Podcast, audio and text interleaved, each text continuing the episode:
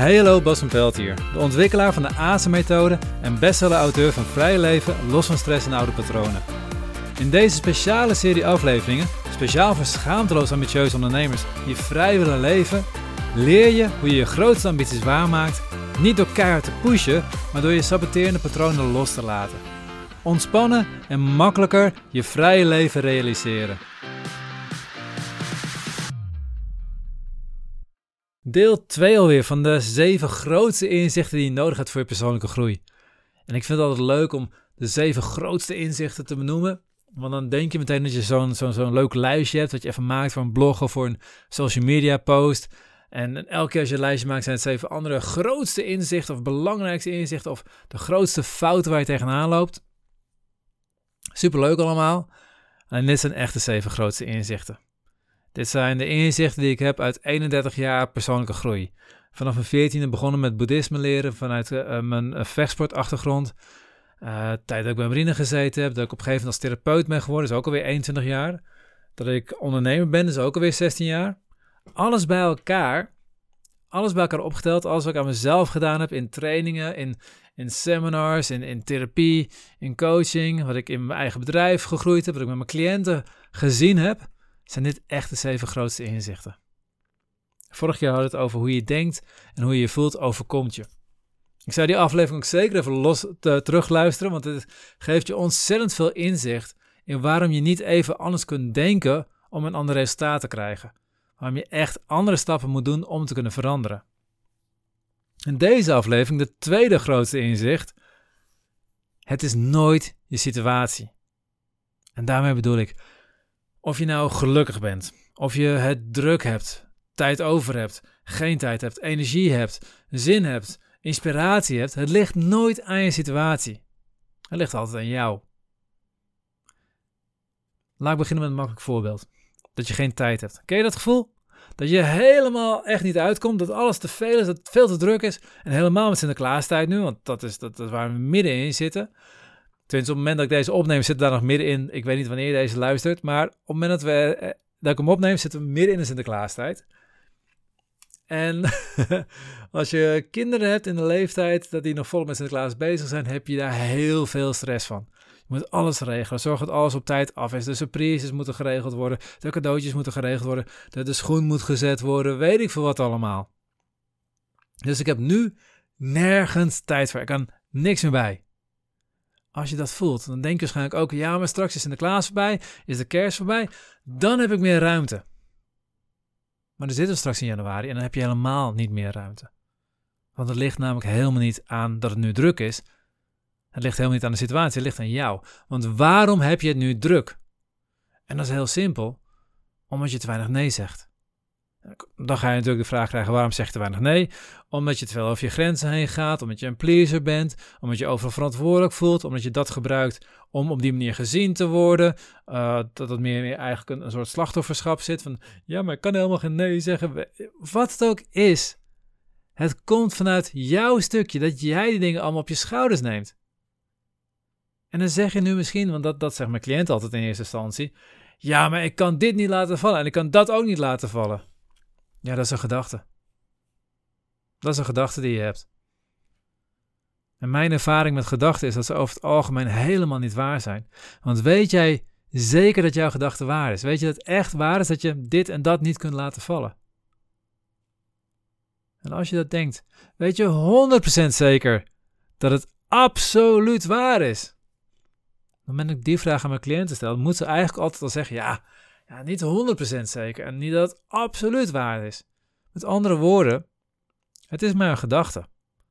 Maar doordat je die gedachte hebt, doordat je daar een patroon achter hebt, en moet je zeker even die vorige aflevering terugluisteren, want dan ga je snappen wat ik bedoel met die patronen die erachter zitten. Daardoor maak je het voor jezelf zo druk. En om eerlijk te zijn, ik heb momenteel niet zo druk. Ik ben bezig een nieuwe stap te maken in mijn bedrijf. Ben daar aan alle kanten uh, aan het werk. Ik ben extra podcastafleveringen aan het opnemen, extra video's aan het opnemen. Ik, ik ben mijn traject aan de achterkant opnieuw een uh, aantal extra video's aan het opnemen. Die wil ik van de vakantie ook nog een paar stukken op aanpassen. Ik ben aan alle kanten bezig en ik heb er gewoon tijd voor, ondanks de Sinterklaastijd. Ondanks dat wij in het huis een nieuwe kast hebben en, en, en met schilderen bezig zijn en, en, met verbouwingen bezig zijn. Ondanks dat ik ook nog even lekker een dagje naar de sauna ga aanstaande donderdag. Het kan allemaal. En waarom is dat? Omdat ik weet dat het niet aan de situatie ligt. Dus zodra ik druk heb, ga ik niet naar de situatie kijken, maar ga ik kijken van hé, hey, wat kan ik veranderen? En vooral ook, waarom verander ik er niks aan? Dat is helemaal interessant om naar te kijken. Maar in eerste instantie gewoon eventjes, wat kan ik eraan veranderen? En dat is een interessante. Oké, dat gaat over tijd. Dus geen tijd, dus je, je hebt nooit meer geen tijd. Het enige wat je hebt is geen prioriteit. En zolang alles prioriteit is, heb je ook geen prioriteit. Dus dat is het enige wat je nog mag zeggen. Als iemand je vraagt, hey, heb je tijd voor me? zeg je, nee, ik heb geen prioriteit. Die mag je zeggen. Maar je mag nooit meer zeggen dat je geen tijd hebt. Kom je bij een ander stukje. Ken je dat gevoel dat je geen energie hebt? Dat je gewoon echt even helemaal geen energie meer hebt. Geen energie om te sporten, om aan je bedrijf te werken. Geen energie voor je kinderen. Ah, alles is te veel. Het grappige daarvan, en ik vind deze echt super interessant. Geen energie hebben bestaat eigenlijk helemaal niet. Ja, bestaat wel, maar alleen in ontzettende specifieke uitzonderingen. De gemiddelde Nederlander heeft meer dan genoeg energie. En hoe sla je energie op, je op in je lichaam? In vet. De gemiddelde Nederlander kan met gemak drie dagen zonder vast voedsel. Je hebt wel vocht nodig, maar je kan drie dagen zonder eten met gemak, de gemiddelde Nederlander. Behoorlijk wat Nederlanders die ik op straat lopen, kunnen nog veel langer zonder eten.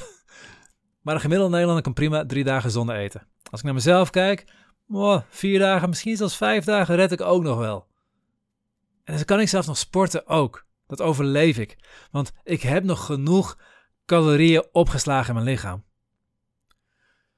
Maar hoe kan het dan dat je geen energie voelt? Heel de uitzonderingen. Als je nou het gewoon echt anorexia hebt, uh, dus echt, echt bijna geen, geen uh, voeding meer in je lichaam. Als jij door een ziekte jouw jou, jouw verbranding niet meer functioneert, dan ben ik het met je eens. Maar in alle andere gevallen heb je genoeg energie opgeslagen. Dus waarom kun je die energie dan niet gebruiken? Nou, dit is wel een leuke. Of je energie voelt of niet, heeft heel erg te maken met dopamine. En dopamine is een stofje, dat is een soort vloeibare motivatie. Op het moment dat je dopamine voelt, krijg je motivatie. Het is ook een beloningsstofje, dus op het moment dat je beloning, dat je ja, iets, iets, iets vet gaafs hebt, dan heb je ook een stukje dopamine wat door je lichaam heen stroomt en dan voel je ook weer energie.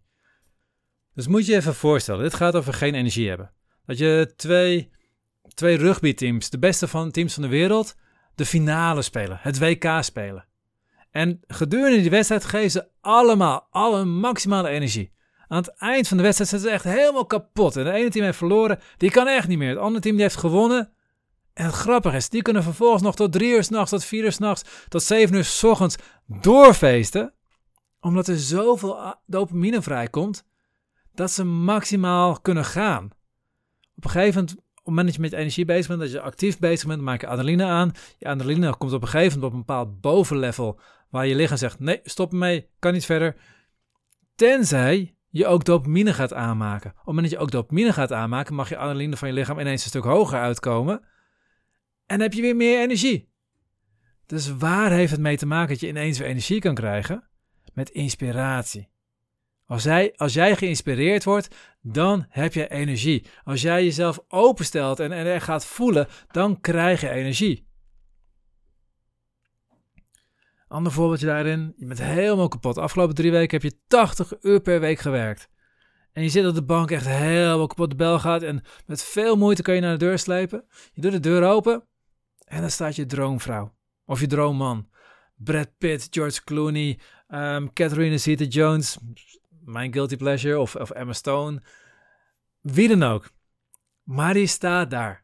En die zegt tegen jou, die zin heeft in een geweldige avond met jou. En een romantische avond. In een avond met een uiteten en dansen en, en, en zwijmelen onder uh, het maanlicht en de sterrenhemel. Weet ik veel wat.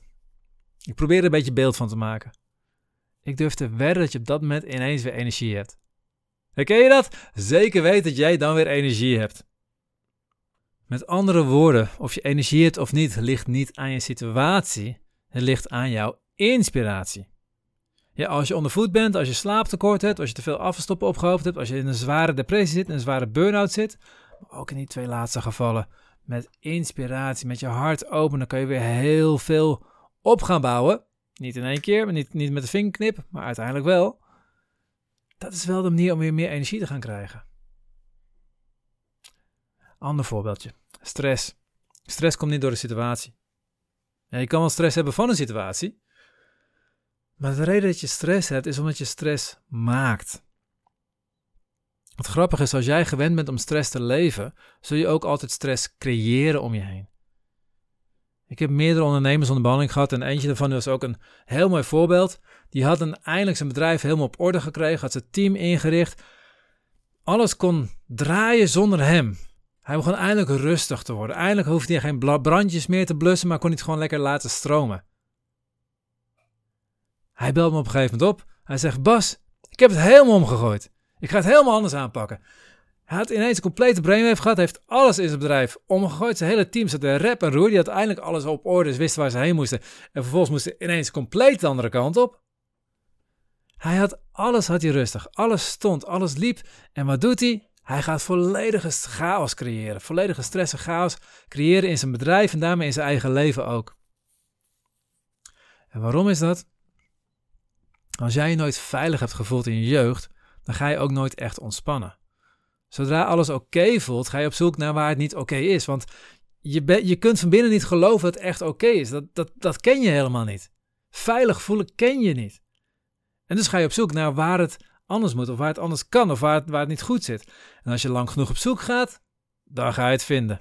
Je vindt altijd iets wat niet oké is. Iets waar je aan kunt twijfelen, iets waar je onzeker over kunt zijn, iets wat anders moet.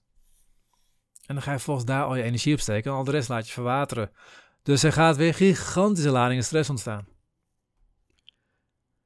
Dus of het nou is dat je geen tijd hebt, dat je geen energie hebt, dat je te veel stress hebt.